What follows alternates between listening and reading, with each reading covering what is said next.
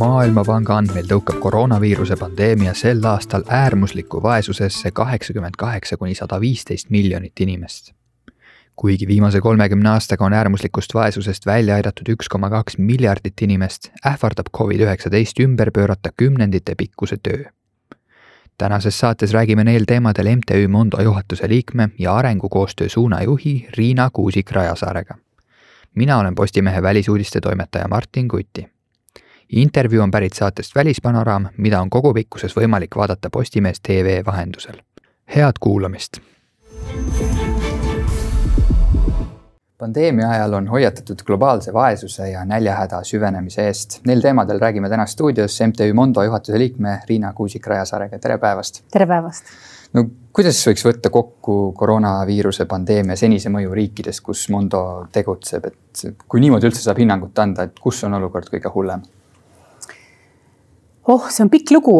aga laias laastus jah, võib öelda, et, et kõikides riikides meil on äh, arengukoostöö ja humanitaarabi projekte äh, neljateistkümnes eri riigis,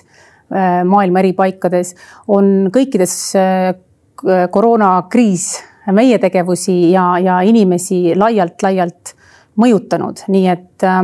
et olukorrad on läinud raskemaks. Äh, igas riigis on need vajadused või need probleemid mõnevõrra erinevad ja me oleme püüdnud siis ka alates kevadest nendele ka siis vastavalt äh, reageerida aga noh, laias laastus on nii, et Aafrika riikides, kus kiiresti toimus läksid riigid lukku ja toimus äh, nii-öelda karantiini minek, siis äh, paljud piirkonnad jäid isolatsiooni. kui inimesed ei saa tööd teha, siis nad ei saa ka sissetulekut, kui ei ole sissetulekut, siis ei ole ka toitu. Äh, nii et üks selline noh, suurem teema oli selline akuutsete probleemide lahendamine siis, siis sellistes piirkondades. aga, aga ka kindlasti selline meil, meie tööle suurt mõju avaldav äh, probleem oli koolide kinnipanek, mis tähendas seda, et et lapsed jäid koolist eemale. kui lapsed jäävad kauaks koolist eemale, siis nendes riikides ei ole kaugõppe ega distantsõppe võimalusi. Äh, kohe tekkisid küsimused, äh, kus lapsed süüa saavad, ähm, mida lapsed kodudes kuude kaupa teevad, siit kohe tekib probleem tüdrukute ja, ja teismeliste tüdrukute küsimus äh, äh, Keenias mitmes piirkonnas ikkagi tekkis täiesti uus äh, selline teismeliste raseduse probleemid. nii et noh, seda, seda, seda probleemistikku oli päris palju, kuni sinnamaani välja, et meil kevadel olid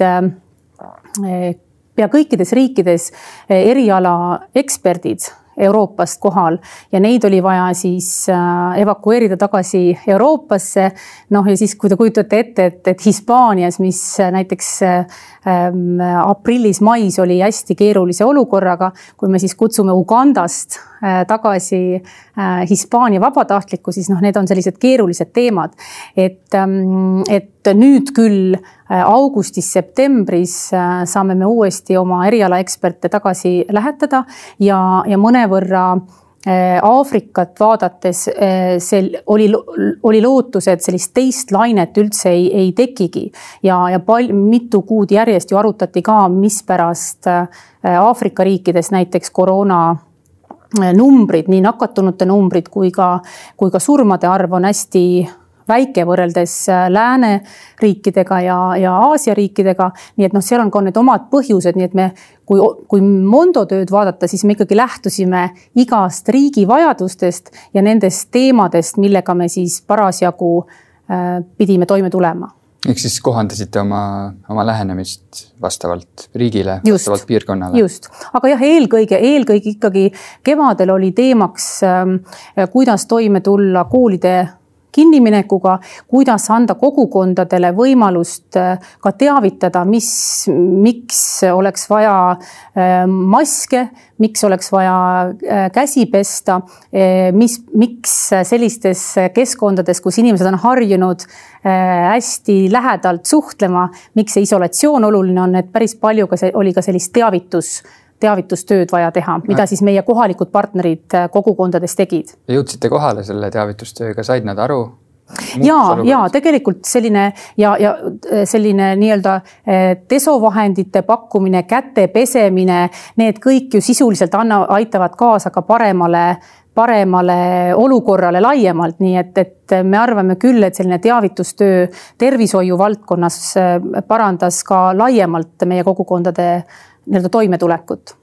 no koroonakriisist me oleme harjunud rääkima justkui see on lõputu häda ja viletsus, mida ta tegelikult ka on, aga ma saan aru, et tegelikult arenguabi valdkonnas ja abi pakkumise valdkonnas, seal tegelikult see peidab endas ka võimalusi. on see nii ja milliseid võimalusi sealt? ja kindlasti ja kindlasti. Eh, see oli vist juba eelmisel nädalal tuli üks äärmiselt põnev eh, uuring välja. ÜRO arenguprogramm UNDP tegi koostöös Äh, Denveri ülikooli juures asuva äh, Pardee keskusega äh, kokkuvõtte ja, ja põhimõtteliselt me võime võtta kas hästi negatiivse stsenaariumi või leida praeguses Covidi kontekstis ka positiivset. et laias laastus võib siis vaadata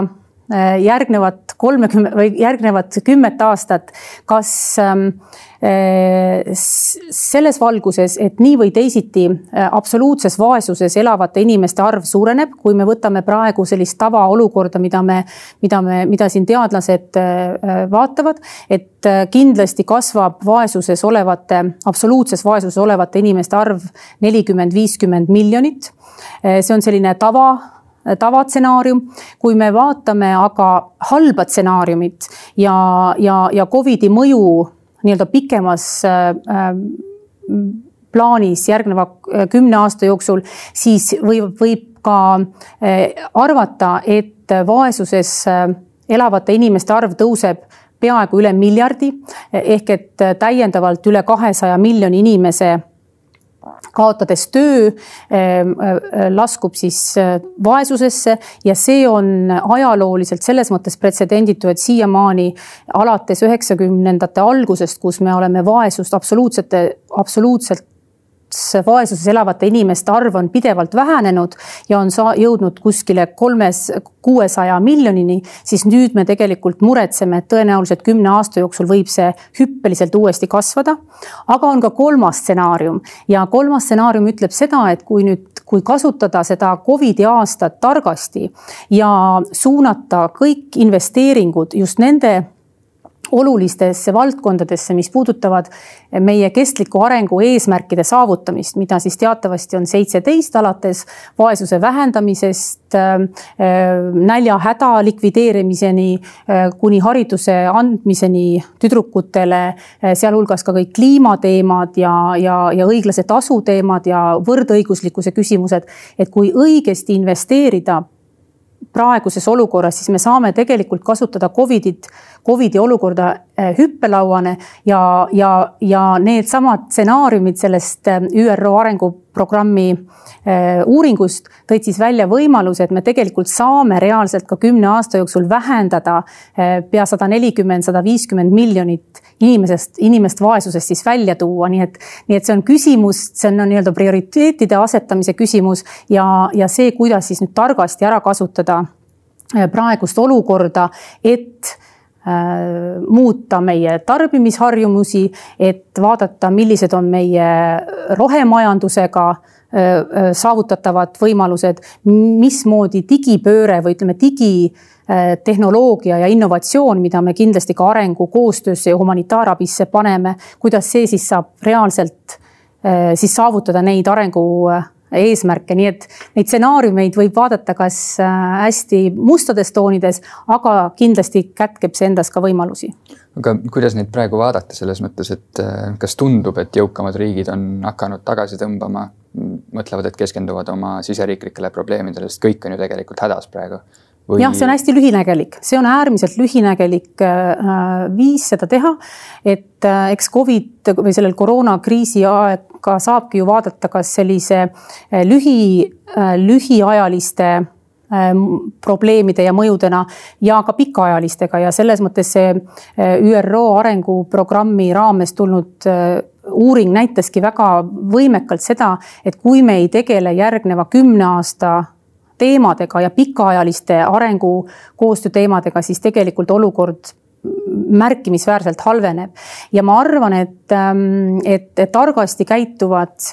need ka lääneriigid, kes äh, mõtestavad oma arenguabi ümber, selle, selles mõttes ümber, et kasutavad neid võimalusi just nimelt siis ka noh, ütleme Eesti kontekstis e-lahendused, ka targasti suunatud äh, ja spetsiifiliselt suunatud abi. aga kindlasti ei tohi unustada ära, et need kõige, kõige haavatavamas olukorras olevad inimesed, on nad siis nagu pagulaskontekstides või on nad siis, siis just nendes piirkondades, kus inimesed on massiliselt kaotanud olnud töö, et me saame tegelikult äh, ka klassikalisel moel näiteks haridusse investeerides ähm, seda, seda protsessi ümber pöörata ja, ja positiivselt äh, nii-öelda tulevikku näha. seega ei, ei tasu tulekahjusid lihtsalt kustutada, vaid tuleb. kindlasti mitte, et siin on võimalus just nagu pikaajaliseks äh, sammu seadmiseks ja ma arvan, et, et nii Euroopa Liit kui, kui ka Eesti riik on seda kindlasti adunud ja aru saanud no Nobeli rahupreemia sel aastal võitnud Maailma Toiduprogramm hoiatas, et pandeemia võib kaasa tuua ulatusliku näljahäda. millised need faktorid pandeemia juures just on, mis seda, selle näljahäda tekkele võivad kaasa aidata? ma korra vist alguses ka mainisin, et, et kui äh, ikkagi äh,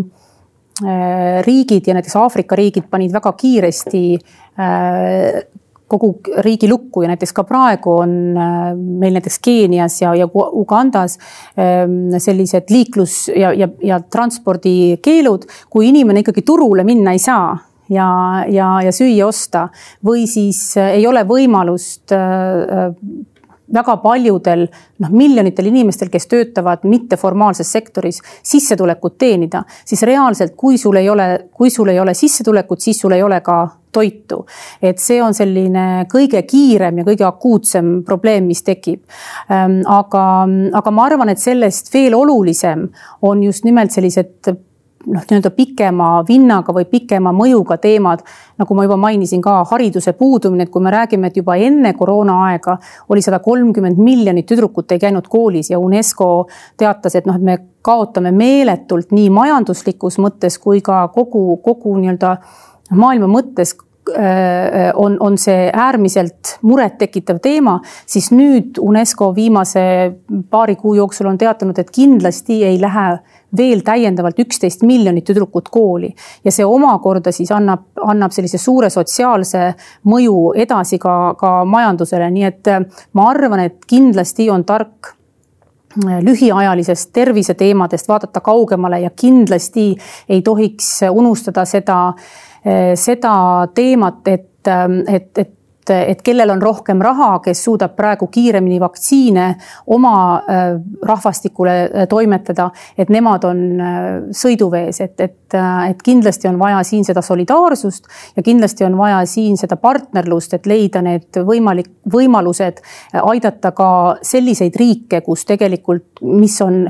äärmiselt seotud just rahvusvahelise kaubandusega näiteks või turismiga, noh näiteks nagu Aafrika riigid. et äh, me jah, tihtilugu unustame selles oma probleemi mullis selle laiema pildi ja seda kindlasti ei tohiks praegu unustada. aga on seda solidaarsust näha, ütleme sellesama vaktsiini jaotamise, võimaliku vaktsiini jaotamise teemadel, et? ega ma vaktsiini osas praegust ei tea,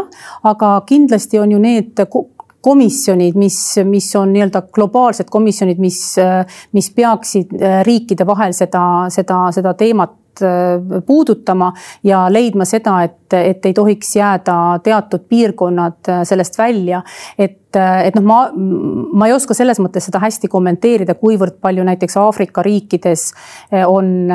on vaktsiiniteemad just praegu olemas, küll ma näiteks tean, et, et Keenias, kus nüüd väidetavalt novembri lõpus, detsembri alguses ähm, noh, nii-öelda kinnitatakse uut sellist kasvutendentsi nakatunute arvus ja, ja surmades. Äh, seal näiteks äh, ka arstid juba streigivad ja teatavad, et niikaua, kui ei ole meil äh, maske ja muid turvavahendeid, siis tegelikult noh, me edasi töötada ei saa. et eks igal riigil on see erinev, aga ma arvan, et selline vaktsineerimise teemaline solidaarsus peab olema, sest muidu me noh, nii-öelda astume ikkagi määratult suured sammud tagasi äh, nende saavutustega, mis meil, mis meil kasvõi praegu juba on kas võiks kokku võtta siis selle jutu, et tegelikult hariduse tagamine praegustes oludes on see, mis aitaks ka vaesuse taastootmist lõpetada? Kindlasti meie enda kogemus küll ütleb seda, et, et kui vähegi võimalik, siis leida just need, ähm, need võimalused hariduse toetamiseks, on see siis äh, formaalhariduses, et igal juhul saaksid tüdrukud koolis käia, on see siis digipädevuste ähm, suurendamine nendele noortele, äh, pagulasnoortele või siis, või, või siis teistes äh, rasketes olukordades olevatele sihtrühmadele, mille abil saaks siis äh, nad uuesti kas siis jalad alla või võimaluse leida endale nii-öelda mõtestatud toimetulek äh, pärast, pärast koroonakriisi. on mingisuguseid huvitavaid näiteid ka äkki tuua, kuidas see digipädevuste osa näiteks on, on Aafrikas või mõnes teises arenguriigis äh, kuidagi aidanud kaasa, aidanud kellelgi jalad alla saada? No meil on praegu, me oleme selles mõttes väga rõõmsad, et, et vaatamata Covidile juba juba kolm-neli aastat enne eh, me teeme eh, Afganistani ämmaemandatele eh, e-koolitusi ehk et täienduskoolitused, mis toimuvad online'is ja seitse kuud on nad ühenduses meie Tallinna Tervishoiu Kõrgkooli mentorite ja lektoritega ja arutavad erinevatel siis naiste tervise teemadel ja pärast seda saavad siis praktiliselt minna ka tüdrukute koolidesse või siis teha nõuandeliinil konsultatsioone anda kohalikutele naistele, et see on selline äärmiselt hea ja mõttekas arengukoostöö näide, kus me saame tegelikult kaugvormis ka tervist edendada ja nii-öelda haridust, haridust anda. aga mm, nii, nii Süüria pagulaslaagrites kui ka Uganda pagulasasumites oleme me eh, praegu testimas äh, ja nüüd ka laiendamas oma sellist äh, digipädevuste programmi, mis võimaldab just noortel pagulasnoortel siis ähm, saada neid kogemusi ja oskusi, kuidas siis ähm, nutivahenditega ja kuidas siis interneti teel kas siis leida endale tööd Äh, saada täiendõpet ja see on küll selline väga hea viis seda digilõhe vähendamiseks. Äh, et, et just kõige raskemates nii-öelda majanduslikes ja sotsiaalsetes tingimustes inimestele ähm, anda juurdepääs sellele, mis meile tundub suhteliselt iseenesestmõistetav igal juhul loodame siis, et, et mõtleme pika plaani peale ja täitub see kõige positiivsem stsenaarium, mille enne välja tõite ja suur aitäh selle vestluse eest. aitäh teile ka.